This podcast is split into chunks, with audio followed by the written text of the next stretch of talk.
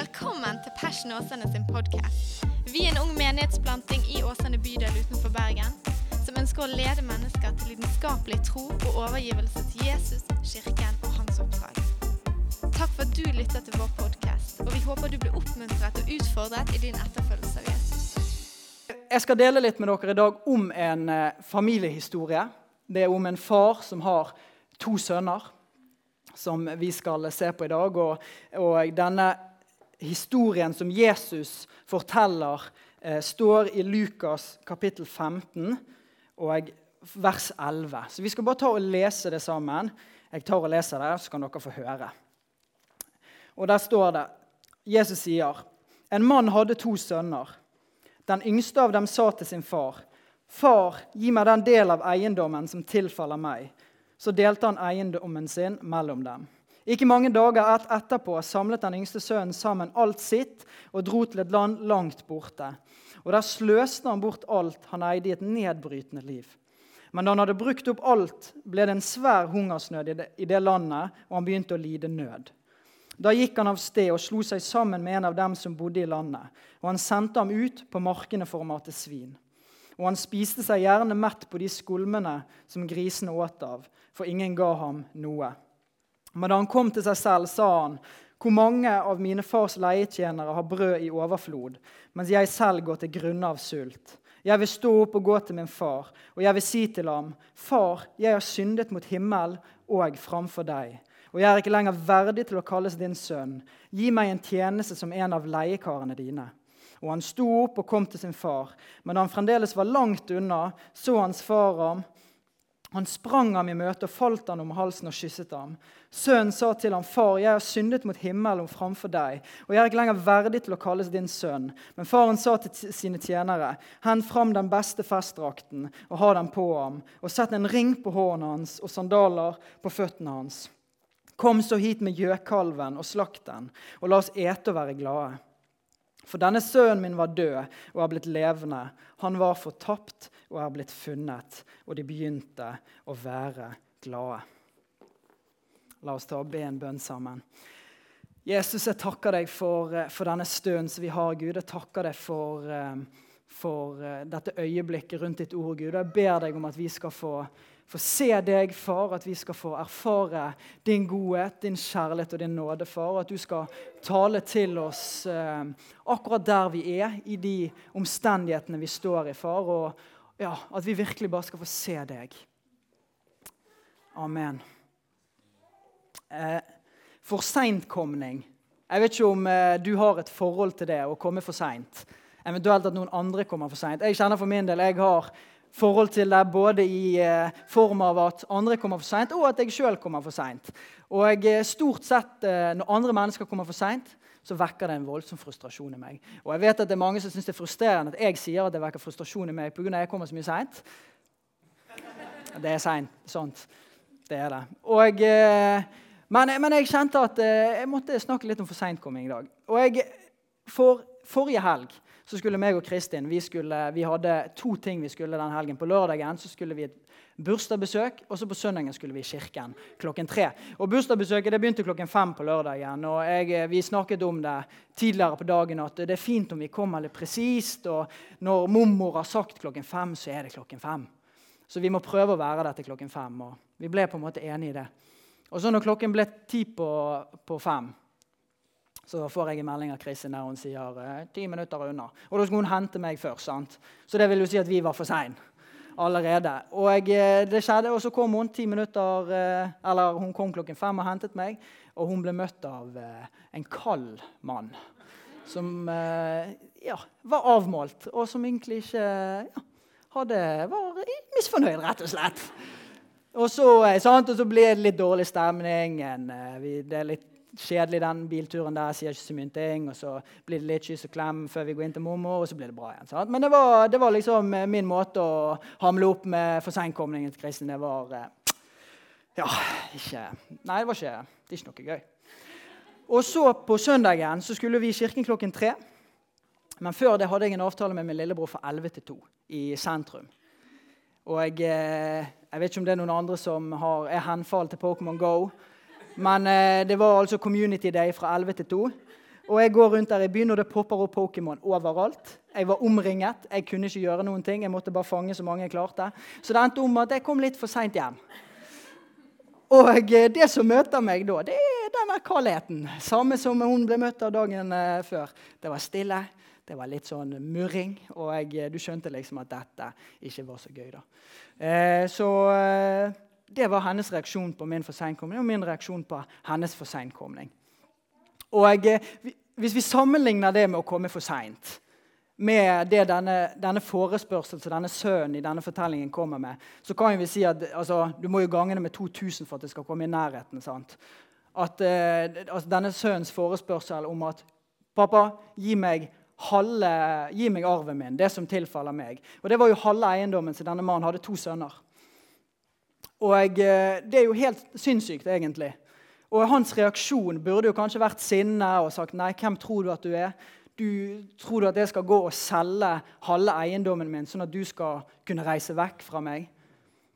Det er jo egentlig helt uhørt. Og det er jo den reaksjonen man skulle forvente, kanskje.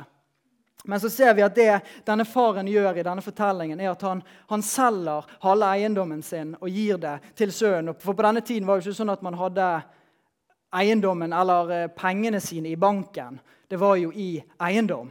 Det var det man hadde.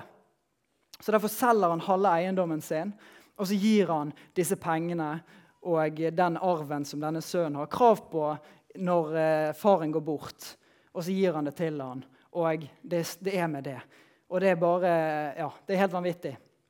Og så velger jo denne sønnen her, og det står at han pakker sammen alt han hadde eller det han hadde fått, tok det sammen, og så reiste han til et land langt, langt borte. Og Man kunne jo tenkt sånn ok, Det hadde jo vært greit at, at uh, hvis faren hadde gitt ham pengene, sant, og så hadde han dratt liksom, til, til, USA og tatt seg en utdanning sant, på MIT eller på Harvard liksom Fått uh, brukt noe med disse pengene her. Sant? Men det står at han bare sløste det vekk. Han satt ikke en krone ikke på høyrentekonto, ikke engang på BSU. Tenk, Hadde han fått ut 25 000 i året på BSU, så hadde han fått 5000 kroner gratis av staten så han kunne brukt på fyll og sex og rock'n'roll, sånn som det står at han gjorde. da. Men han gjorde ikke det engang. Han brukte alle pengene sine, hele eiendommen. Den sløste han vekk på nettopp dette. Han, på festing, på eh, prostituerte og, og, på å bare leve et utsvevende liv. Noen som kjenner seg igjen? Nei, bare tuller. Skal ikke ha håndsopprekning på det, i hvert fall. Eh, så han levde der og bare sløste vekk pengene. Og så, Etter en stund så står det at det kom en hungersnød i landet. I det landet som han var i, dette landet som var langt, langt borte. Og folk led nød. Det var ikke så lett å få seg mat, det var ikke så lett å få seg jobb. Det var ikke så lett å få, få inn det som man trenger for å leve. Og Alle de vennene som han hadde når han hadde masse penger, de var ikke lenger så opptatt av han. De brydde seg egentlig ikke om han lenger. Og så står det at han slo seg sammen med en i landet. Og Det høres jo veldig koselig ut. å slå seg sammen. Det høres nesten som man bygger en lavvo, og så bor man sammen der. Men det var ikke det som skjedde. Han ble utnyttet av han, for han ble sendt ut på marken for å mate svin, for å mate griser og for å, å, å passe på de. Og det for en jøde å passe svin var helt utenkelig og forkastelig, egentlig. For i Det gamle testamentet så står det at, at griser og svin det er ureine dyr. Så spiser man det, så blir man urein. Har man kontakt med det, så blir man urein. Så det for en jøde å, ha, å mate svin var egentlig helt utenkelig. Men han, det var det punktet han var kommet til. At det var det jeg måtte gjøre for å få nok til å klare meg. Og han spiste seg mett på det samme som, eh, som svinet spiste restene etter svinet. Det var det han måtte spise for å, for å få nok mat til å bli mett. Og eh, denne, på dette punktet da, av kanskje det laveste det går an å komme, så står det at han kom til seg sjøl. At han kom til seg sjøl når han lå kanskje der i grisebingen og, og rullet i gjørmen. Så kom han til seg sjøl, og så begynte han å tenke på sin far. Så begynte han å tenke på hjemmet som var langt, langt der borte. Hvordan ikke noen av tjenerne manglet noen ting. At alle tjenerne til faren hadde i overflod både klær, mat og husly. Mens her lå han i gjørmen og hadde ingenting. Ingenting hadde han. Og så begynner han å tenke liksom, tilbake på det. Jeg tror det, Når det står at han kom til seg sjøl, så tror jeg det betyr at han begynte å angre. Han skjønte at det valget han hadde tatt, at det var feil. Han skjønte at det å sløse vekk halve eiendommen det var ikke et veldig sjakktrekk. Og så tenker han, og så begynner han å lure på ok, skal jeg dra tilbake til, til pappa og si til han at og han formulerer en sånn tale at, at jeg, har, jeg, har, syndet mot deg, pappa. Jeg har syndet mot himmelen. Og jeg er ikke lenger verdig å kalles din sønn, men, men la meg få bli en tjener. Så kanskje jeg kan få mat på bordet og, og klær som kan kle meg. Og jeg tror i dette øyeblikket at, at, han visste at han hadde forspilt sin sjanse til å være sønn. Han, det var ikke lenger mulig for han å kunne kalles en sønn. Og Så bestemmer han seg for at jeg går tilbake og så sier jeg det til pappa. Og han var jo i et land som var langt, langt borte. Så jeg tenker den reisen må ha vært helt forferdelig. I det spennet der, Hva kommer til å skje når jeg kommer hjem? Hvordan vil pappa møte meg? Vil han være sint? Vil han være skuffet og, og, og såret? Vil han overse meg og ikke bry seg? Vil han bare feie meg av siden? Og jeg tror På hele den reisen så tror jeg ikke det slo han en eneste gang at det var mulig at han igjen kunne få bli en sønn. For den sjansen den hadde han spilt. Den var over for godt. Og så går han tilbake igjen til sin far. Og så skal vi lese det som står i vers 20. Så står det Og han sto opp og kom til sin far. Men da han fremdeles var langt unna, så hans far ham og fikk inderlig medlidenhet med ham. Han sprang ham i møte og falt ham om halsen og kysset ham. Jeg tror ikke, kunne, jeg tror ikke denne sønnen hadde forventet dette på noen plass i det hele tatt. At faren, eh, Det var jo sånn Sånn, faren har jo sikkert tenkt mange ting. Hvordan går det med sønnen min? Og og de hadde jo ikke Snapchat og Messenger og telefoner, så han visste jo egentlig ingenting. Det eneste måten at han kunne få vite hvordan går det med sønnen min, det er å stå på taket av huset sitt og skue utover og se hva som en gang vil møte han, om han noen gang kommer hjem. Og det som han møter han, Er det suksess? Er det en mann som har giftet seg og fått barn? Er det hva, hva, er det som møter meg? Eller er det en taper som har spist med griser? Og i det han ser han, og det han ser, at denne sønnen min som, som, en gang var her, er nå en taper som har spist sammen med griser, som, som har skitne klær, som, som, ikke har fått det til i det hele tatt. Så det som vekkes opp igjen, det er inderlig medlidenhet. Det er ikke sinne, det er ikke skuffelse, det er ikke sorg, men det er inderlig medlidenhet. Og så løper han han i møte. Han går ned fra, fra, fra taket, og så løper han han i møte. Slenger seg rundt halsen, og så kysser han. Fordi han er så glad for å se han. Og så sier han til tjenerne sine at de skal finne fram festklærne. Eller først sier sønnen sånn, denne eh, talen som han har formulert. At eh, 'pappa og jeg har syndet mot himmelen og mot deg'. La, ikke, jeg kan ikke lenger være en sønn, men la meg være en tjener. Og Han overser det fullstendig og sier bare 'finn fram festklærne'. Finn fram de beste klærne. Ta ring på fingeren hans som tegn på at du er en sønn. Som tegn på at, at han er en arving. Ta, ta, sko på beina hans. Du er ikke lenger urein. Du, ikke lenger, eh, du er ikke lenger i kontakt med urenheten. Og så, og så sier han at, han at, vi skal slakte gjøkalven, eller den feite kalven som de har feitet opp til jul. Sant? At de skulle slakte den og lage et, et skikkelig måltid, festmåltid. Og så er det han sier, det at, at, at vi skal være glad pga. at denne sønnen min som var fortapt, denne sønnen min som var død, har kommet hjem. Og denne sønnen min som, som ikke var, han er blitt levende. Og det er fantastisk. Og Jesus, når han ja, det, er helt, det er helt vanvittig, eh, denne faren. Og Jesus, når han forteller denne historien her, så er det i kontekst av eh, Israel for ca. 2000 år siden. Sant? Så forteller han det til, til jøder. Og jeg tror veldig mange av, av, de som hørte denne historien, som hadde kjennskap til Israels historie, kunne assosiere det til, til historiske hendelser i nettopp deres historie. Om en sønn som, som går, drar til et land langt, langt borte, og som er der. Og som kommer igjen seinere. At det minner mye om, om Israels eh, fangenskap i Egypt, der de var 400 år i fangenskap under farao, der de slavet. Og så blir de ført ut av Egypt Moses, av Gud gjennom Moses. Og seinere, når de var i, i, fangenskap i Babylon, i eksil der. Og så blir de seinere får de lov til å komme hjem. Og jeg tror Mange jøder som hørte denne historien, tenkte tilbake på det og assosierte seg med det. Men det de kanskje ikke forsto, det var at deres historie var ikke bare historie, men det var et frampek mot noe som seinere skulle skje. Som det jeg tror Jesus forteller om i denne historien her. Ikke om jødenes historie, men menneskehetens historie. At, at denne sønnen er et bilde på menneskeheten, et bilde på deg og på meg, som er blitt slaver under synden.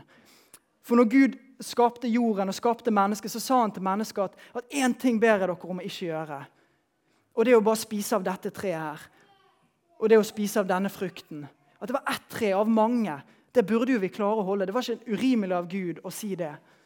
Men nettopp det er det mennesket gjør. Vi valgte å spise av treet framfor å lyde Gud, som gjorde at, vi, at det kom et skille mellom menneske og Gud, som gjorde at vi ikke lenger var lik Han. For Gud skapte oss lik Han. Men når vi gjorde det som Han sa vi ikke skulle gjøre, så kom det et skille mellom oss. Og synd Altså Det at vi ikke når opp, det at vi ikke er gode nok for Gud, det at vi ikke klarer å leve opp til hans standard, det kom og gjorde oss eh, at vi ikke kunne være sammen med han. Eh, og denne historien her illustrerer Guds kjærlighet helt fantastisk.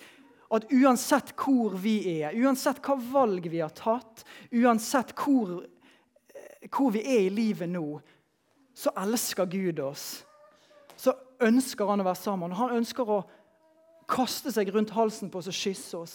Og Det er helt fantastisk. Men det denne historien kanskje ikke illustrerer, og som ikke har med, det er ikke bare hvor høyt Gud elsker oss, men det er hva Gud har gjort for oss. At Gud er ikke en Gud som står på taket og skuer utover og ser når kommer mine barn hjem. Når skal de komme tilbake til meg? Men Gud er en Gud som har gått ned fra taket, som har kommet fra det høye og kommet ut til oss. Og det står det, I Galatane 4,4 så står det at når tidens fylde kom, så utsendte Gud sin sønn, født av en kvinne, født under loven, for å kjøpe fri de som var under loven, sånn at vi igjen kunne få barnekår hos han. At, at står, Jesus sier om seg sjøl at han er veien, sannheten og livet. Ingen kommer til Faderen uten ved meg. At eneste veien tilbake igjen til Gud, tilbake igjen til hjem, det er gjennom Jesus. Og det er han har gjort alt for oss. Det vi ikke klarte sjøl. Det at når vi valgte å spise av den frukten, når vi valgte å gjøre det som Gud sa vi ikke skulle gjøre, og vi ikke fikk det til, vi nådde ikke opp, så kom Jesus og nådde opp for oss. At han er den eneste som noen gang har levd et syndfritt liv. Han er den eneste som noen gang har vært fortjent Guds kjærlighet og ære. Og så velger han å komme på jorden og dø for våre synder, sånn at vi kan få lov til å bli barn, sånn at vi kan få lov til å, å, å bli kalt sønner og døtre av han. Og det er, ja, det er helt fantastisk. Det er helt vanvittig. Så denne historien her om denne faren beskriver Guds kjærlighet så fantastisk at han elsker oss uansett hva vi har gjort, og hvor vi er henne. Men, er, men kristendommen er mye mer enn det. Det er ikke bare en Gud som, som er passiv, en Gud som står der oppe og ser ned, men en Gud som har kommet ned inn i vår historie og gjort alt sånn at vi igjen kunne få være sammen med han. At det er ingen krav, det er ingen påbud, det er, ingen, det er ingenting vi trenger å gjøre. Det eneste er at Jesus er veien, han er sannheten og han er livet. Og ingen kommer til Gud uten han. Ingen kommer hjem uten Jesus. Og Derfor så trenger vi det han har gjort. Og Jeg vet for mitt eget liv at jeg har gjort mange ting jeg ikke burde gjøre. Jeg har sagt ting, jeg har tenkt ting, jeg har gjort ting. Og jeg vet at jeg ikke kan kalle meg en sønn av Gud på, av min egen fortjeneste, men bare pga. det Jesus har gjort for meg. At han sa Mats, jeg elsker deg, og jeg døde for deg. Har du lyst til å ta imot min nåde? Har du lyst til å komme hjem til Gud? Og jeg har lyst til å si det til deg i dag. Om du, om du er på en plass der eh, at du opplever at du er langt borte. At du ikke er hjemme. At det er tomt på innsiden. At det er noe som mangler, som vil si at Gud ikke er langt borte fra deg. Og Kanskje du har et bilde av Gud som ikke samsvarer med det jeg har sagt. Men da kan jeg si til deg med frimodighet at det bildet jeg har malt fram, det er den Gud er. Han er en far som elsker deg, og han har gitt seg sjøl for deg. Og han ønsker fellesskap med deg. Takk for at du lyttet til Passion Åsane sin podkast. Hvis budskapet inspirerte deg, del det gjerne videre, slik at enda flere kan bli styrket av Guds ord. Gud har en plan for ditt liv. Følg Jesus lidenskapelig og bety en forskjell for mennesker i din verden.